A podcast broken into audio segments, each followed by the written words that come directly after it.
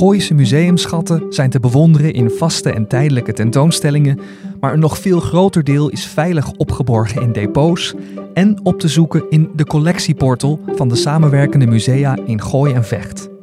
Mijn naam is Caspar Stalenhoef en in deze podcast zoeken we een aantal museumschatten online op en horen we welk verhaal erachter zit.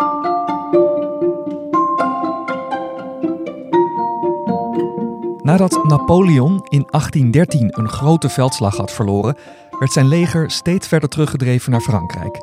En in het vrijgekomen gebied werden weer landsgrenzen getrokken, inclusief de eerste stappen naar het nieuwe Koninkrijk der Nederlanden. Toch waren we hier niet meteen van het Franse leger af.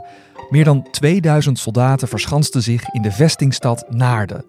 Het Nederlandse leger omsingelde en opende het vuur op de stad, waardoor niet alleen die Franse soldaten in de knel kwamen te zitten, maar ook de 2000 inwoners van de vesting, die pas na een half jaar werden bevrijd.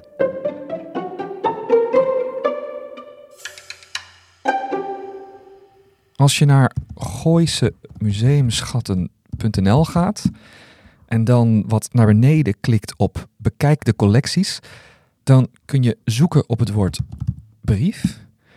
dan krijg je allerlei resultaten, waaronder het postduifbriefje Beleg van Naarden 1814 in de collectie van het Nederlands Vestingmuseum. Daar ga ik naartoe en wordt rondgeleid door directeur Pieter Koudijs. Hier zijn we dan, Ja. op het hoogste punt van de vesting. Ja, we zijn hier op het Nederlands Vestingmuseum, op Bastion Turfpoort. Uh, naar de vesting is de best bewaarde vestingstad van Nederland. Mm. En uh, de vesting is een militair verdedigingswerk. En het wordt gekenmerkt door zes bastions. En als je uit de lucht kijkt, Ja. dan zie je dat Naarden een hele mooie stervorm heeft. En dat komt door die uitgebouwde verdedigingswerken. Nou, we staan hier boven op het uitkijkpunt van het Nederlands Vestingmuseum. En hebben een heel mooi uitzicht over de vestingwerken. Ja, want als je beneden bent, dan, dan loop je eigenlijk tussen groene heuvels, rondingen. Je hebt eigenlijk niet echt een idee uh, waar je bent of waar het voor dient. Maar hierboven zie je al wat meer, uh, ja, uh, de, bijvoorbeeld het water eromheen. Dus Ja. echt een verdedigings... Je kan hier heel goed de structuur zien. Je ziet hier inderdaad gewoon een vestinggracht. Je ziet de ravelijnen. Je ziet eh, zeg maar gewoon de geschutsopeningen van de kanonkelders. En zo'n ravelijn, een eiland eigenlijk in de vestinggracht... wat de achterliggende hoofdwal eh, vroeger verdedigde. En je kan ook zien dat eigenlijk het water daar op een manier omheen loopt... dat je vanaf alle kanten de vijand vroeger onder vuur kon nemen. En dat heet het dodelijk kruisvuur. Die kanonkelders met geschutsopeningen, oftewel de kazematten, zitten hier verstopt onder het gras en de aarde. Die een beschermingslaag vormen bovenop de muren die ook nog eens twee meter dik zijn. Het Vestingmuseum gebruikt de kazematten nu als tentoonstellingsruimte. Die vol staan met archeologische vondsten, prenten, wapens, militaire gebruiksvoorwerpen, maar ook een duif Ja. en een briefje. We zien hier een duif en een briefje. En dat briefje is heel bijzonder. Dat briefje dateert uit eh, 1814, eh, toen naar de vesting werd bezet door de Fransen. Ja. Beschrijf, even wat we, wat we zien nog een keer. Nou, we zien hier een eh postduifbriefje van eh, ongeveer eh, een, een breedte van 15 centimeter, Ja. 5 centimeter hoog, met een heel klein priegelhandschrift. Ja. En daarachter zien we een duif, want zo'n postduifbriefje werd in een kokertje aan de voet van de duif getransporteerd. Ja. Het was toen dus de enige manier om eh, voor de bewoners van Naarden om met de buitenwereld eh, te communiceren. Ja, dat Ja. klopt. Want de vesting eh, was bezet door de Franse soldaten van Napoleon. Terwijl eigenlijk de rest eh, van Nederland, de Fransen, zich terugtrokken. Ja. Bleven ze in een aantal vestingsteden zich handhaven. En de bewoners van de vesting mochten van de Fransen niet communiceren met de buitenwereld. En werden eigenlijk als een soort levend schild gevangen gehouden in Ja. de vesting. Dus dit werd, dit werd stiekem gedaan. Dus deze Nancy blijkt. Ja, ehm, wilde contact met, eh, met, met wie eigenlijk? eh, waarschijnlijk met een familielid. Ja. Eh, degene waaraan ze het briefje heeft gericht is Angelique. En ze beschrijft ook in het briefje hoe het is om in de vesting op dat moment te zijn terwijl die zwaar onder vuur wordt genomen door het Nederlandse leger. en de verschrikkingen die de bewoners moesten doorstaan om bijvoorbeeld één zinvrezen uh, te quoten. Met het bombarderen zijn wij in een geblindeerde kelder in het nieuwe huis. Ik word hier gestoord, zegt ze. Gij zult denkelijk tegelijk met deze nog een briefje van mij door Louise Tierens ontvangen. Dus kennelijk was er nog iemand anders die ook een briefje naar haar ging sturen via een postduif. Ja, dit gebeurde gewoon veel vaker dan dit ene briefje. Ja, want ja, nogmaals, het was de enige manier om met de buitenwereld te kunnen communiceren. En wat ja, denk ik heel typerend is van de uitroep: Ik word hier gestoord. Ja. Ja, je moet je voorstellen dat de vesting die werd maandenlang gebombardeerd door het Nederlandse leger. En daar werd heel veel. te krijgen, maar ondertussen zaten daar gewoon andere Nederlanders ja. ook. En daar werd natuurlijk heel veel schade aangericht. En mensen gingen schuilen in hun kelder. En uh, ja, gebouwen werden in puin geschoten, letterlijk. Uh, dus ja, dat was echt gewoon oorlogsgeweld waar je tussen zat. En dat moet niet prettig geweest zijn. Nee. En dat weten we nu eigenlijk uit de eerste hand doordat dit briefje bewaard is gebleven. Ja. Het heeft dus een half jaar geduurd, van november 1813 tot mei 1814. Maar hoe kon het dat er een Frans leger in een Nederlandse vestingstad terecht kwam, waardoor het Nederlandse leger een aanval moest plegen op een eigen stad met daarin ook eigen landgenoten? Daarover praat ik nog even verder met Pieter. Ja, we zitten eigenlijk aan het eind van de Franse tijd in Nederland. En de Franse tijd die was van 1795 eh, tot, uh, tot 1813. Ja. En onder die tijd uh, was Nederland eerst een satellietstaat van Frankrijk, hè, de Bataafse Republiek.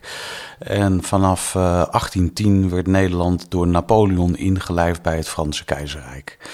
En Napoleon is hier zelf ook geweest op 21 eh, oktober 1811. En op dat moment was hij eigenlijk op het hoogtepunt van zijn macht. Ja. Het grootste deel van West-Europa was onder Frans bewind. Uh, Rome, Parijs, Amsterdam waren de drie grote steden van het Franse keizerrijk. En Napoleon ging vervolgens naar Rusland om te kijken of hij ook de Russische tsaar op zijn eh, knieën kon krijgen. Nou, dat liep niet zo heel goed af. En uh, hij droop af in de winter. En een jaar later, in 1813, werd Napoleon verslagen in een volkerenslag bij Leipzig. Ja. En op dat moment trokken de Franse legers zich eigenlijk terug naar hun eigen grondgebied. Achtervolgd door de Engelsen, de Pruisen, de Russen. En ook in Nederland trokken de Franse soldaten zich terug richting Frankrijk. Althans. Uh, dat, behalve in een paar vestingsteden, Casper. Ja. uh, dat was onder andere Den Helder, Gorkum, maar ook Naarden. En in Naarden zat een Frans garnizoen van zo'n 2300 soldaten. En die hadden opdracht gekregen van Napoleon in 1811 om wat er ook zou gebeuren, die vesting gewoon tot het einde te verdedigen. Uh, als een stronghold, zeg maar. Ja. Uh, en dat gebeurde dus ook in uh, eh, 1813. Maar die Fransen zaten hier eigenlijk ja, in, in Nederlands gebied. Frankrijk was verslagen. Ja. Maar je zei, het waren er meer dan 2000? Ja, er zaten hier zo'n uh, 2300 soldaten. Eigenlijk in de maanden daarvoor, vanaf oktober, zagen ze aankomen dat het uh, de foute kant op ging. Ja. Een eh, Franse kolonel Fabry, die ook uh, in Woerden en andere plaatsen al uh, behoorlijk uh, had huisgehouden, die kwam naar Naarden en ze gingen de vesting versterken, ook van binnenuit met voorlopige kazematten. er werden allerlei boomstammen inderdaad aange, aangevoerd van, van buitenaf. En daar werden voorlopige onderkomens meegemaakt om soldaten in te huisvesten, een noodhospitaal te maken. Er werd proviand ingeslagen, wijn, koeien, eh, drank, etenswaar. En men bereidde zich voor op een langdurige belegering. Maar ondertussen is er natuurlijk ook gewoon een, een bevolking in Naarden die met, die Frans, met dat Franse leger eigenlijk ook gegijzeld zit. Ja, dat klopt. En je moet je voorstellen dat er ongeveer op dat moment net zoveel burgers als soldaten in de vesting zaten. En in het begin uh, ging men nog wel kijken van oké, hoe komen we uit met ons proviant? En als we burgers hebben, ja, dan moeten we die monden ook voeden. Ja. Dus uh, als mensen hun, ja, zeg maar, gewoon belasting betaalden, uh, dan mochten ze nog weg. Maar er waren natuurlijk ook mensen, ja, die hadden geen geld om belasting te betalen. Dus die moesten blijven.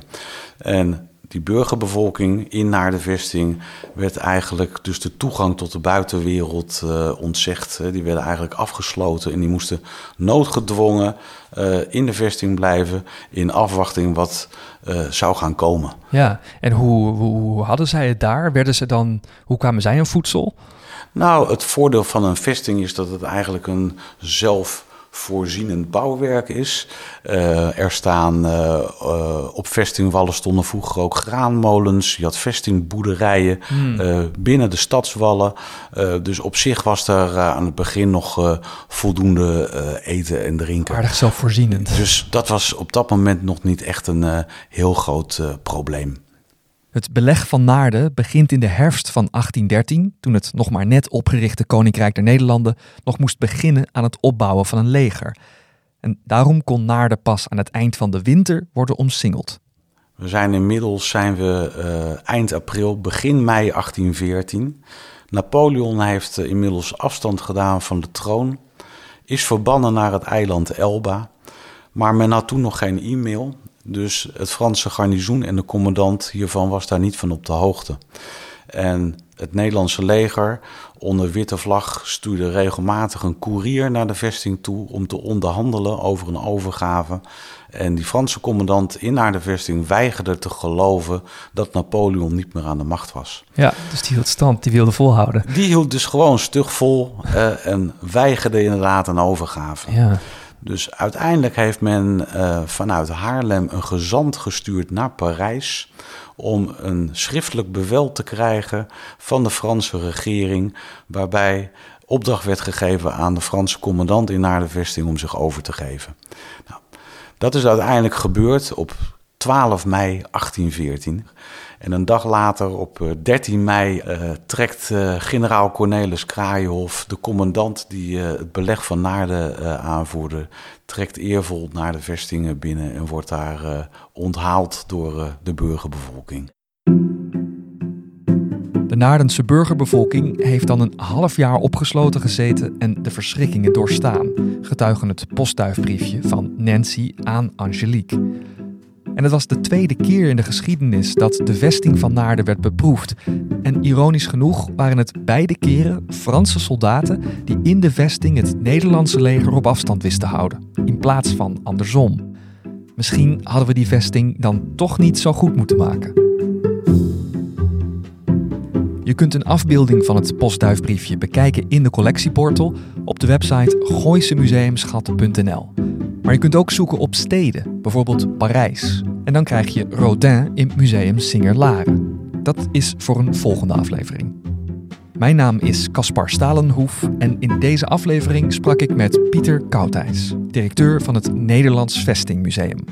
Tot de volgende aflevering van Gooise Museumschatten.